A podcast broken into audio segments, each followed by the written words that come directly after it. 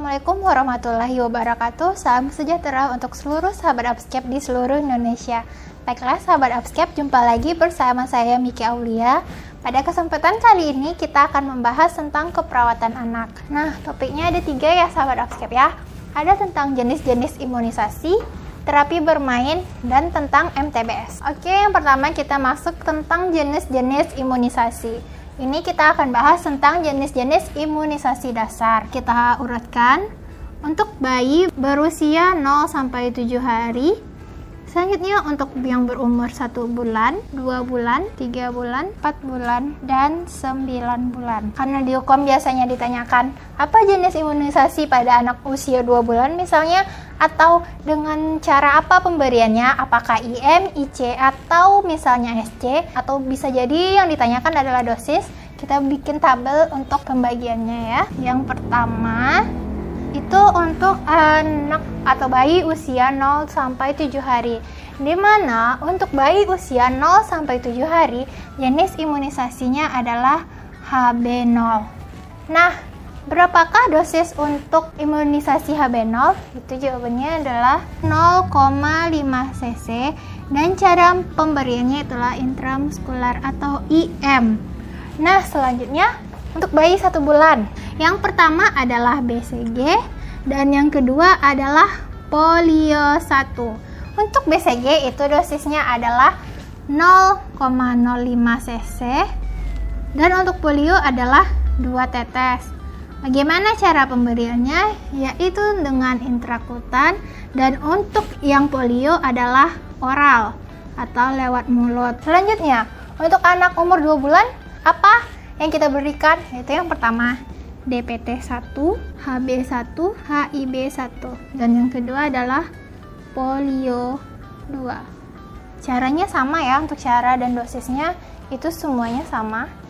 DPT itu 0,5 cc dan untuk polio 2 tetes. Cara pemberiannya IM dan untuk polio itu oral. Selanjutnya untuk anak umur 3 bulan ini tinggal kita urutkan aja. Ada DPT 2 HB 2 ada HIB 2 dan polio 3 caranya sama dan dosisnya sama. Dan untuk 4 bulan DPT 3 HB 3 HIB 3 polio 4 dan untuk yang 9 bulan jangan keasikan terus keterusan ya sahabat Arab siap ya. Untuk 9 bulan itu imunisasinya adalah campak. Dosis campak ini adalah 0,5 cc dan cara pemberiannya adalah subkutan. Jadi ini ya sahabat Upscape ya, jenis-jenis imunisasi dasar dan untuk imunisasi lanjutannya bisa sahabat Upscape cari sendiri dan bisa sahabat Upscape pelajari juga. Kita masuk ke poin kedua yaitu mengenai terapi bermain. Untuk terapi bermain ini juga ada tiga jenis yaitu berdasarkan isi permainan. Yang kedua berdasarkan jenis permainan, dan yang ketiga yaitu berdasarkan karakteristik sosial. Oke, kita masuk yang pertama yaitu berdasarkan isi permainan. Ini contohnya adalah permainan afektif sosial. Nah, contoh permainan ini bagaimana? Kalau permainan afektif sosial ini itu lebih ke hubungan intrapersonal anak yang menyenangkan dengan orang lain. Nah, contoh darinya itu adalah Misalnya pada anak itu permainan cilukba. Dengan permainan ini pada bayi ya sahabat Upscape ya. Nah itu misalnya contohnya adalah cilukba. Nah cilukba ini kan kayak permainan cilukba kayak gitu. Jadi baratnya anaknya merasa terhibur dengan adanya orang tua itu dia juga mendekatkan antara anak itu dengan orang tuanya. Oke, yang kedua itu permainan untuk bersenang-senang, di mana ini biasanya permainannya menggunakan alat dan membuat anak-anak merasa senang. Contoh dari permainan ini adalah misalnya alatnya adalah pasir. Dari pasir, anak-anak bisa menggambar gunung atau membangun istana pasir. Yang ketiga adalah permainan keterampilan. Ini lebih melatih ke keterampilan anak baik itu motorik halus dan kasarnya. Untuk contoh dari permainan keterampilan ini contohnya ya adalah e, bermain sepeda atau pada bayi dengan melatih memegang benda-benda kecil. Nah, keterampilan yang dimaksud di sini adalah sesuatu yang diperoleh dari latihan berulang kali. Contohnya yang bermain sepeda tadi, tidak mungkin kan kalau anak-anak baru sekali bermain sepeda dia udah langsung bisa. Jadi dia perlu latihan terus untuk bisa terampil. Itulah contohnya. Nah, yang terakhir untuk berdasarkan isi permainan yaitu permainan berpura-pura. Contoh permainan peran atau anak-anak berperan sebagai orang dewasa. Contohnya misalnya anak misalnya berperan sebagai guru, sebagai polisi dan sebagaimananya. Adalah contoh dari permainan berpura-pura. Apalagi kalau misalnya kayak pentas drama gitu ya ada anak yang berperan sebagai guru, ada anak yang berperan sebagai polisi, sehingga ada interaksi antara satu anak dengan anak yang lainnya. Kedua yaitu berdasarkan jenis permainan. Ini ada dua juga pembagiannya ya. Yang pertama yaitu permainan, suatu kegiatan main deh,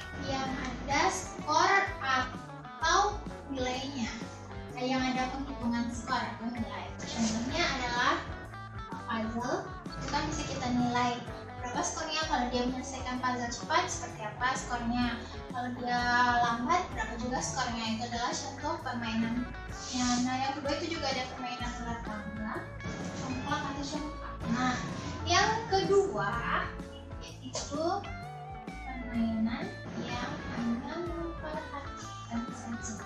Dari permainan yang hanya memperhatikan saja bagaimana ini contohnya seorang anak hanya melamun, anak melamun, atau misalnya anak cuman bermain kursi, memainkan kursi, pokoknya dia tidak mau hanya untuk menarik perhatiannya saja. Jadi ini dua uh, jenis permainan yang berdasarkan jenis permainan yang sampai subscribe ya. Ada tadi ada tiga berdasarkan isi permainan, jenis permainan, dan yang terakhir itu tentang karakteristik sosial. Terakhir, berdasarkan karakteristik sosial. Nah, ini contohnya apa? Yang pertama yaitu solitaire. Yang dimaksud dengan solitary ini biasanya pada anak toddler. Solitaire ini apa? Ini adalah anak itu bermain untuk individunya sendiri atau bermain sendiri, walaupun ada orang lain di sekitarnya. Nah, kalau ini gampang ya sahabat upscale ya, namanya solo. Jadi dia sendiri. Yang kedua itu adalah parallel play. Ini biasanya untuk anak toddler sampai prasekolah. Mereka bermain dalam satu kelompok, tetapi mereka sibuk dengan permainan sendiri. Jadi beda ya antara solitary sama paralel. Kalau pak yang solitary ini dia benar-benar bermain sendiri. Dia tidak peduli sama orang lain. Tapi kalau paralel nih dia dalam satu kelompok walaupun si A main robot, si B main robot juga. Nah, itu tetap namanya adalah parallel play. Nah, yang ketiga contohnya yaitu associative play. Nah, ini maksud dengan associative play ini, dia bermain dalam satu kelompok, belum ada tujuan, hanya untuk bermain, tidak ada pemimpin, atau belum terorganisir. Ini biasanya pada anak usia toddler sampai usia sekolah. Nah, yang keempat itu adalah cooperative play. Ini permainannya sudah ada tujuannya. Apa tujuan bermainnya sudah ada, terus sudah ada pemimpinnya juga. Nah, itu adalah cooperative play. Jadi ini ada dua juga, asosiatif sama kooperatif. Kalau yang tadi sebelumnya ada solitary sama paralel, nah itu dia berdua.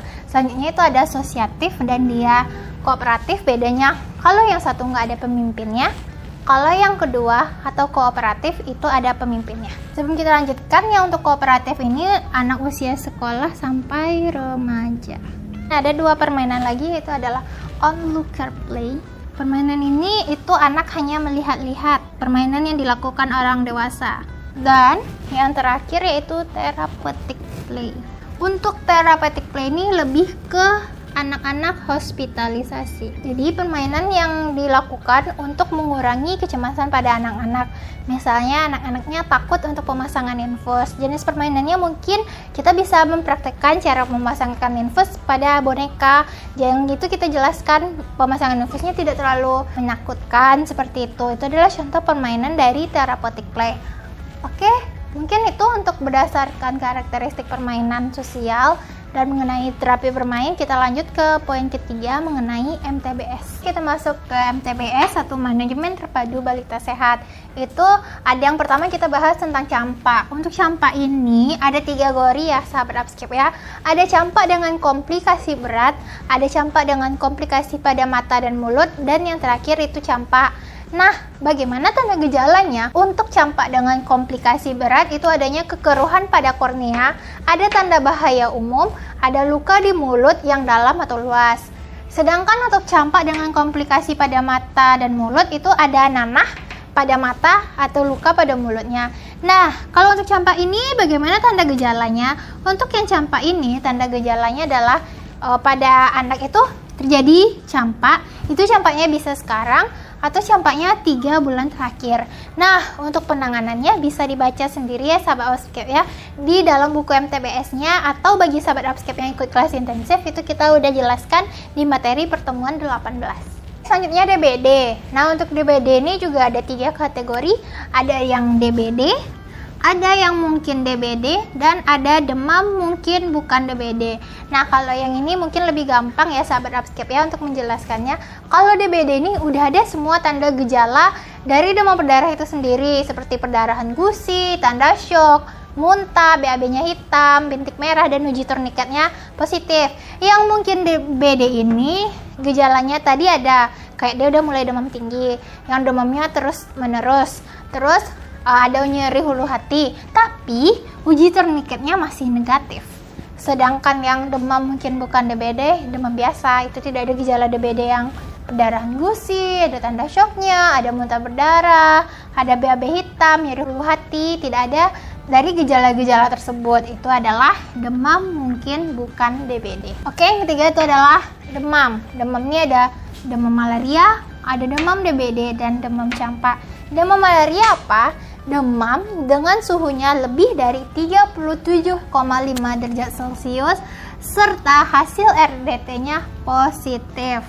Sedangkan untuk yang demam campak itu campaknya di sekarang atau tiga bulan yang lalu. Terus ada tanda ruam kemerahan di kulitnya dan ada salah satu tanda lainnya seperti pilek, batuk atau mata merah. Dan untuk DBD ini penyakit yang paling banyak terjadi. Nah, itu tanda-tandanya ada tanda-tanda shock atau gelisahnya, ada muntah darah, BAB hitam, dan uji turniketnya positif. Dan yang pasti suhunya itu juga lebih dari 37,5 derajat Celcius. Kalau yang DBD itu fokusnya ke turniketnya, pemeriksaan turniket. Kalau yang malaria itu adalah RDT. Untuk penekanannya silahkan dibaca. Kita masuk ke pneumonia. Nah, untuk ini itu ada tiga pembagiannya, ada pneumonia berat, ada pneumonia dan batuk bukan pneumonia. Nah, kalau pneumonia berat ini yang bagaimana? Ini yaitu adanya tarikan dinding dada ke dalam dan saturasi oksigennya 90%. Sedangkan untuk yang pneumonia itu nafasnya cepat.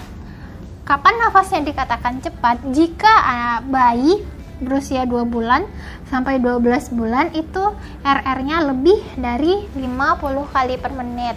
Sedangkan untuk yang berusia 12 bulan sampai 5 tahun itu RR-nya lebih dari 40 kali per menit.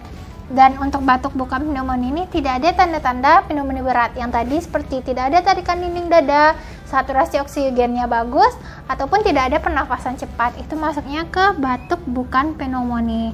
Nah, itu penjelasan mengenai MTBS dan untuk diare, status gizi, dan masalah telinga bisa sahabat Habiscap pelajari sendiri ya karena apa? Karena untuk MTBS ini emang lebih fokus ke materi emang panduannya di dalam buku MTBS itu sendiri kalaupun dijelaskan itu hanya sebatas materi aja Oke sahabat Upscap, sekian pembahasan kita pada kesempatan kali ini. Mike mohon maaf apabila ada kesalahan. Jangan lupa ya untuk subscribe YouTube channel Upscap dan jangan juga lupa like video ini dan silahkan tinggalkan kolom komentar untuk pertanyaan-pertanyaannya. Wabillahi taufik wal hidayah. Assalamualaikum warahmatullahi wabarakatuh. Sampai jumpa.